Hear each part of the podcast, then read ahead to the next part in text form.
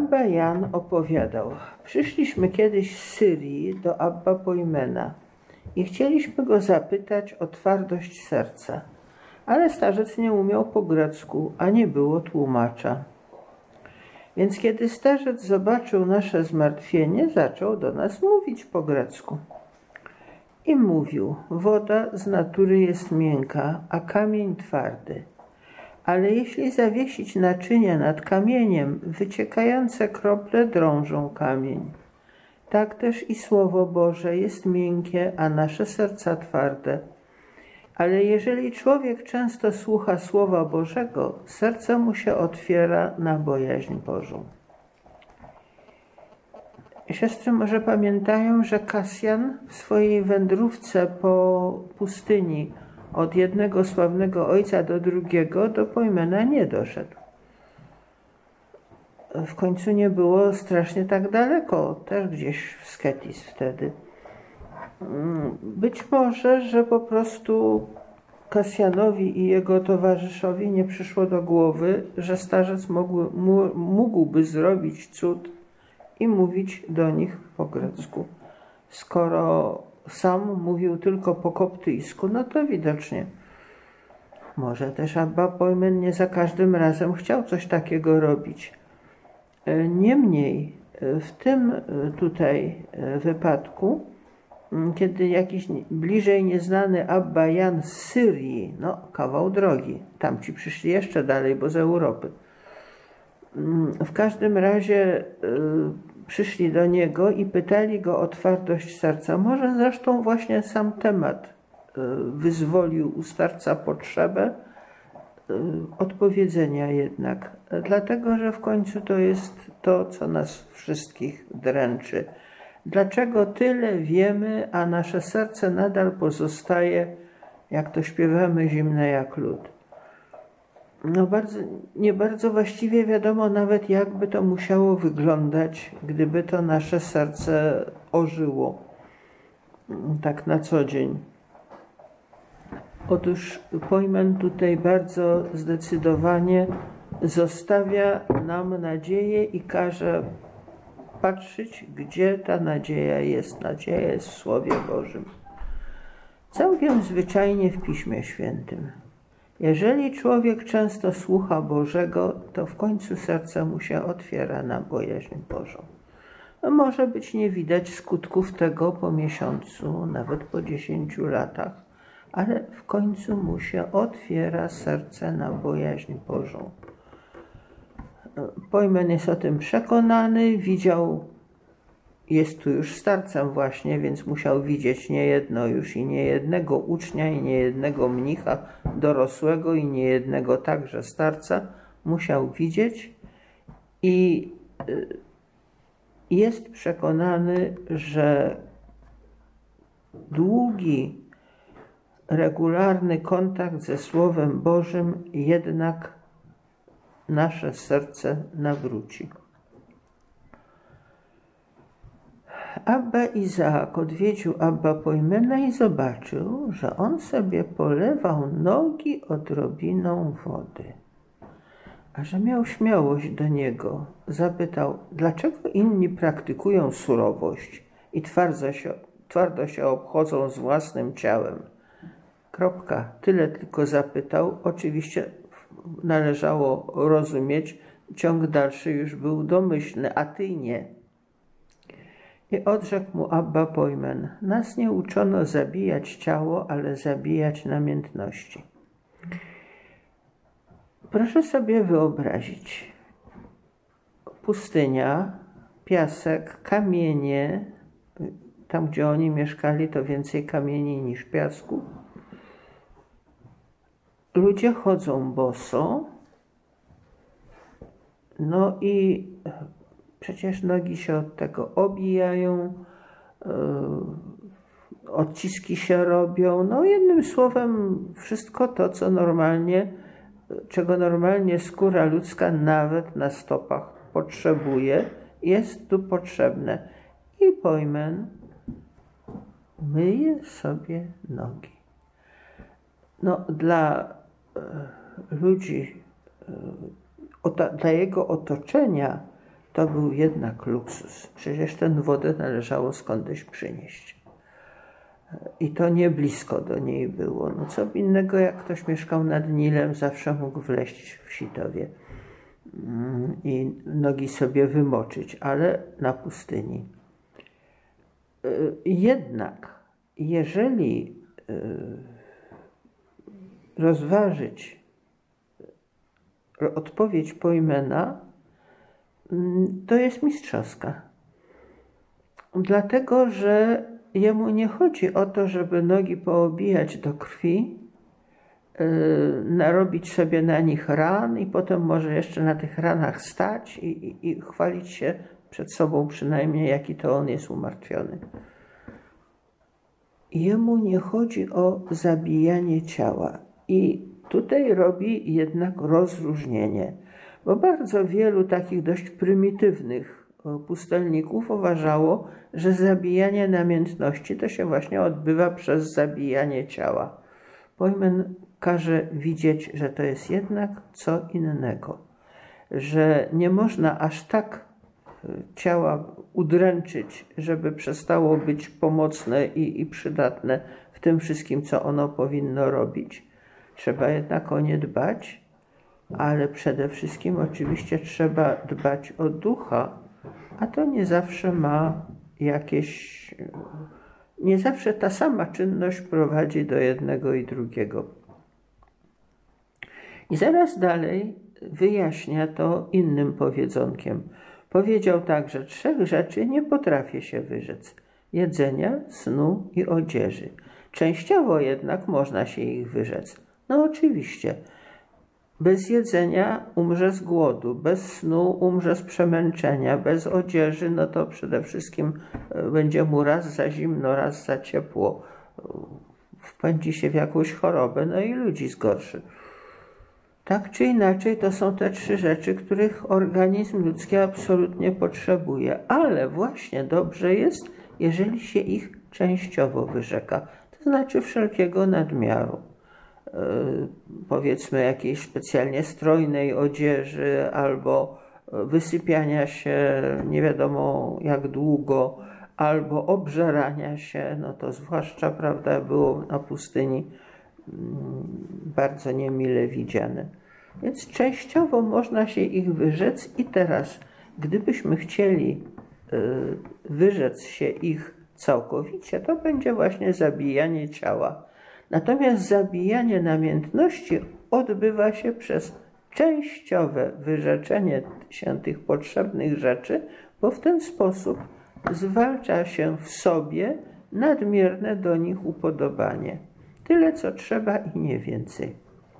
Oczywiście miara to jest jeszcze inna sprawa i ojcowie wcześniej doszli do wniosku, że miara jest rzeczą indywidualną.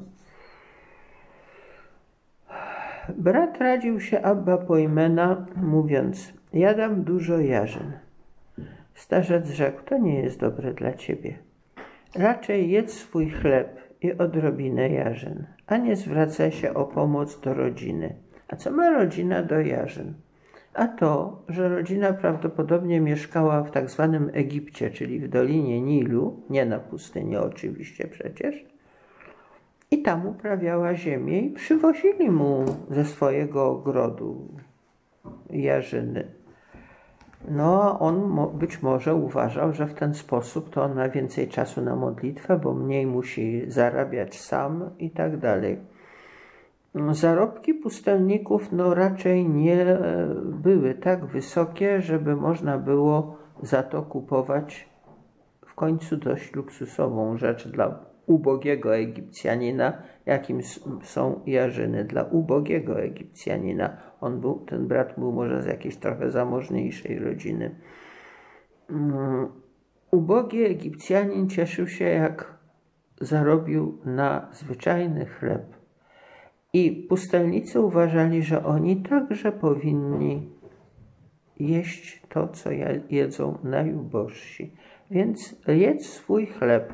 Dlaczego swój podkreślone? A dlatego, że musisz sam na niego zarobić, a nie czekać, aż ci wszystko przyjdzie z domu. Rodzina jest u siebie i mają własne sprawy do załatwienia. troszkę taki właśnie powiedzmy akcent samodzielności życia zakonnego. Święty Benedykt uczepi się tego, tej myśli jak najbardziej, mówiąc, że mnisi powinni żyć z pracy rąk własnych, nie z jałmużny. Oczywiście jałmużna może płynąć, ona może być jakąś pomocą, ale w zasadzie mnisi powinni zarabiać na swoje życie. I dlatego takie życie właśnie cały czas czyjegoś y, dobrodziejstwa nie jest dobre dla brata, który przynajmniej miał tyle rozsądku, że przedstawił sprawę Abba Pojmenowi i nie był tak całkiem pewien, czy aby dobrze robi. No dowiedział się, że nie. Opowiadano o Abba Pojmenie, że jeśli się u niego zebrali starcy i rozmowa była o ojcach, a ktoś wspomniał Abba Sizoesa, on odpowiadał: Zostawcie Abba Sizoesa, bo jego sprawy wypowiedzieć się nie dadzą. Tak prawdę mówiąc, to nie bardzo wiem dlaczego. O Abba Sizoesie jeszcze dojdzie, będzie mowa, kiedy dojdziemy do S, ale być może Pojmen znał go lepiej i wiedział o nim takie rzeczy, których inni nie wiedzieli, i był tym tak zbudowany, że wolał to trzymać w sercu, niż tak jak najważniejsze rzeczy trzyma się w sercu, niż o nich mówić. Powiedział znowu: Poucz Twoje serce, aby strzegło tego, czego uczy się Twój język. To jest kapitalne stwierdzenie. Ile to my potrafimy mówić o tym, co jest dobre. A poucz Twoje serce, żeby tak robiło, jak sam nauczasz siebie i innych. Brat zapytał Abba Pojmena, mówiąc: Ponoszę szkodę na mojej duszy, mieszkając z moim Abba. Czy mam dalej z nim mieszkać? Starzec zaś wiedział, że ponosi szkodę i zdziwił się, że go pyta, czy ma z nim mieszkać. I rzecze mu starzec, jeśli chcesz, mieszkaj. I odszedł i mieszkał. I znowu przyszedł i powiedział, ponoszę szkodę na duszy mojej. Ale starzec nie odpowiedział, odejdź. I po raz trzeci przyszedł mówiąc, zaiste nie będę dłużej mieszkał. Mówi do niego Abba Pojmen, oto nareszcie jesteś ocalony, idź i nie mieszkaj. Powiedział starzec, człowiek widząc szko szkodę swojej duszy, nie potrzebuje się pytać. Może ktoś pytać o myśli ukryte, a zadaniem starców jest rozsądzić. Jeśli jednak zachodzi jawny grzech, nie trzeba pytać, ale natychmiast odejść.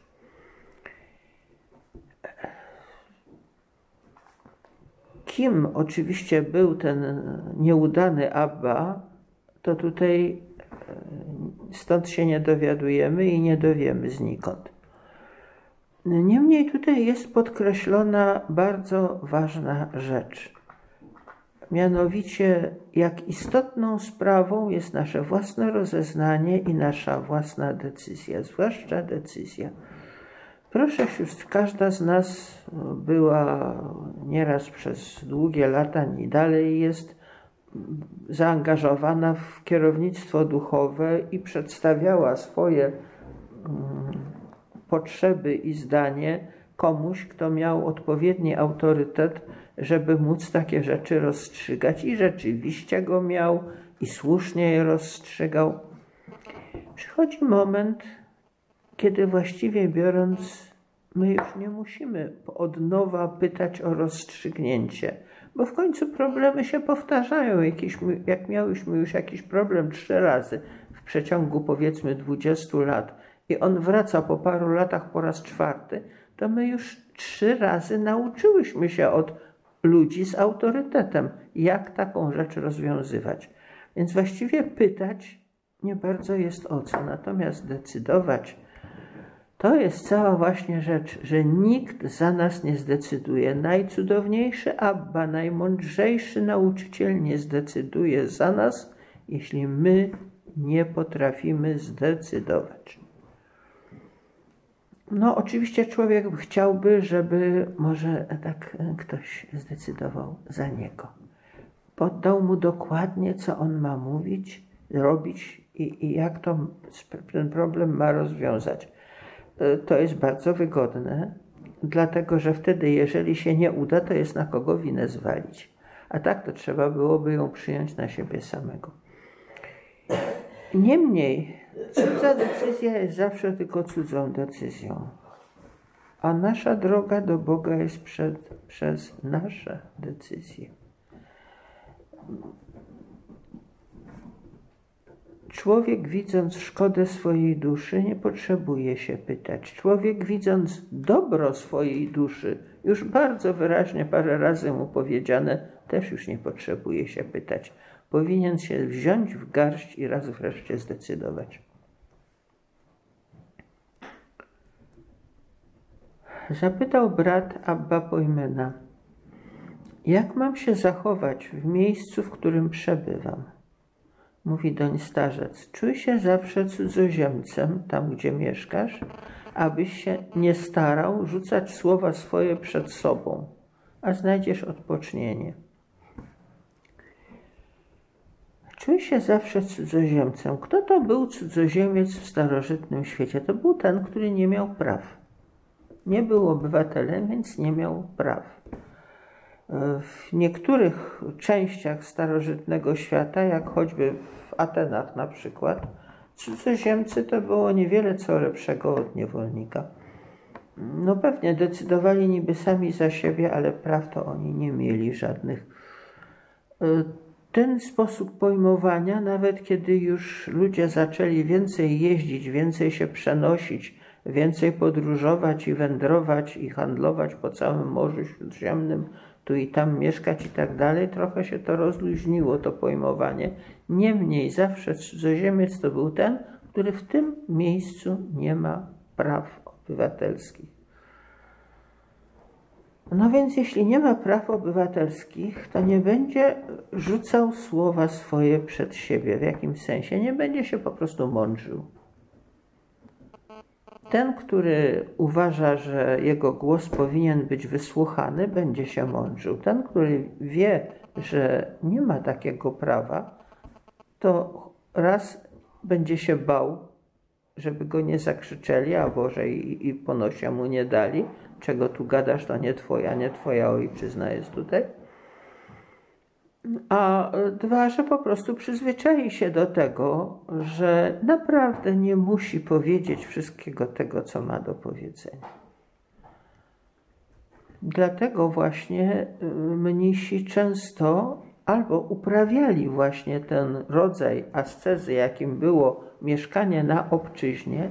No dobrze, jak on mieszkał 20 lat w cudzym kraju, to nie był już y, uważany za tubylca? Nie on był Syryjczykiem, a tu jest Egipt. Albo on był Macedończykiem, a, a, a tu jest Syria. On jest obcy i pamiętał o tym. Więc albo szli rzeczywiście mieszkać na obczyźnie, żeby już sam bieg rzeczy e, wymuszał na nich to ukryte, że tak powiem, życie, albo przynajmniej starali się naśladować cudzoziemców i sami na sobie wymuszali to ukryte życie.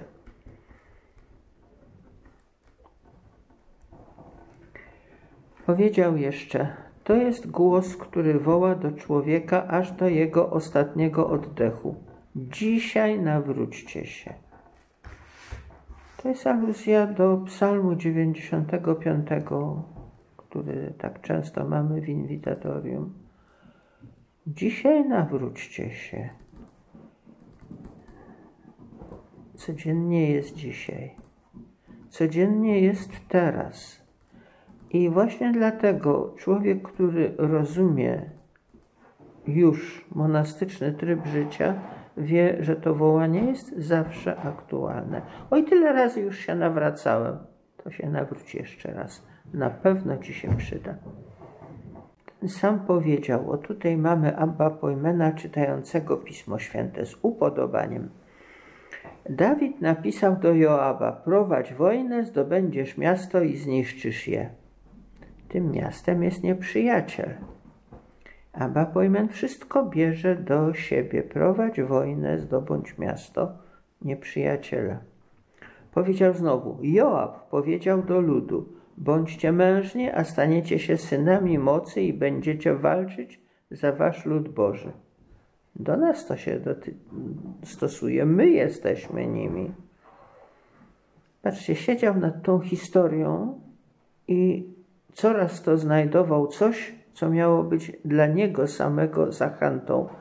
Nie przez jakąś przypowieść, tylko po prostu przez analogię. Tak jak Joab wy wydaje e, rozkazy swoim podwładnym w walce, tak on musi swoim siłom, swoim zdolnościom wydawać rozkazy, żeby analogicznie walczyć. Powiedział znowu: Gdyby Mojżesz nie poprowadził owiec do mandra, nie ujrzałby tego, który był w krzaku. To jest ciekawe, bo przecież Mojżesz nie poszedł tam na, na mocy jakiejś osobistej decyzji. Nie szedł do tego krzaka na pewno, bardzo się zdziwił, jak to zobaczył. Ale jednak przypuszczam, że to powiedzenie oznacza, że nawet nasze normalne czynności, takie, które zdawałoby się nie mają jakichś specjalnych konotacji, czy to moralnych, czy, czy, czy to historycznych, że tak powiem, mają skutki. Mają skutki i te skutki są nieprzewidziane. Także y, cokolwiek robimy, to się jakoś wpisuje w naszą drogę do albo w naszą drogę od.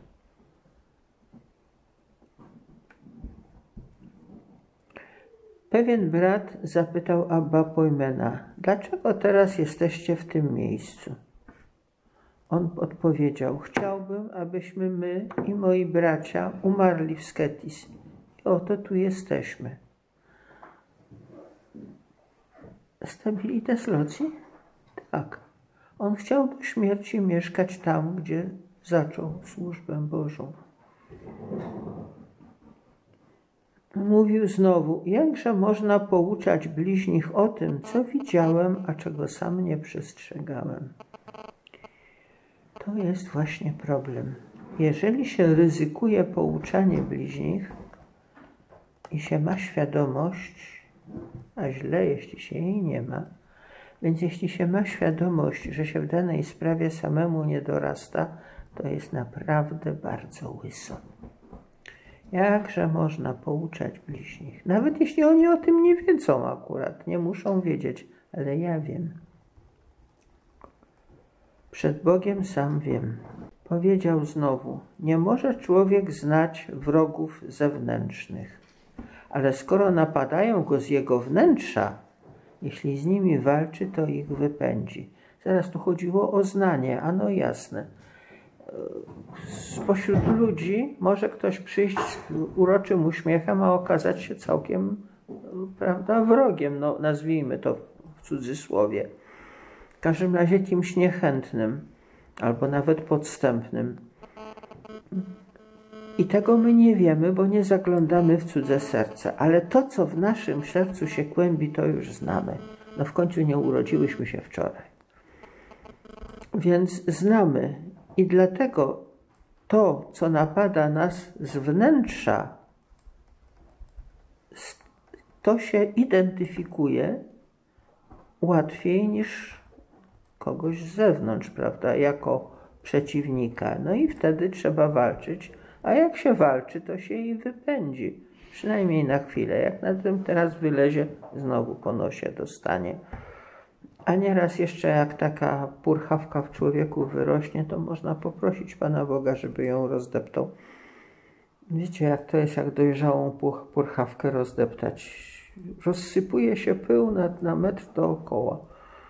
I jeszcze wiatr go ponosi. To bardzo dobra metafora tego, co się czasami z naszego serca wysypuje. Ale właśnie, jeśli z nimi walczy, to ich wypędzi. Powiedział znowu: Kto nie umie przewidzieć tego, co nastąpi, nie może postąpić naprzód. To co mamy prorokować? Nie. Tylko mamy właśnie z doświadczenia, nie skądinąd, ale z doświadczenia, znać wszelkie możliwe skutki naszych czynności i wiedzieć, że jeśli zrobię tak, a tak, to skutek będzie taki, a taki. Czy to we mnie samym, czy w moich kontaktach z bliźnimi, skutek będzie taki, a taki. W końcu znam i siebie, i znam tych bliźnich. Jeżeli tego się nie przewiduje, tylko pod wpływem jakiegoś popędu e, działa się lub mówi, no to nie można postąpić naprzód, bo się działa jak człowiek, który nie wie, co robi. Powiedział Abba Pojmen, mówię, że w miejscu, gdzie toczy się bój, tam walczę.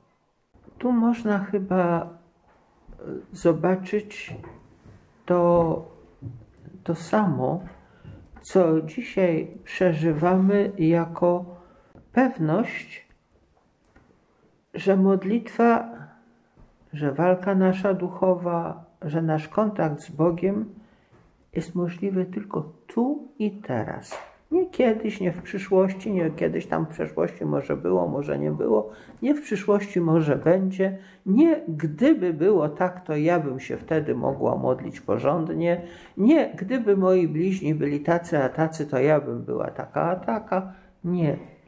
Tu, w konkretnym miejscu i w konkretnych okolicznościach, tu, gdzie toczy się bój, tam walczę nie tracąc sił i, i, i myśli i świadomości na wyobrażanie sobie, co by mogło być, gdyby było, tu walczę, gdzie jestem.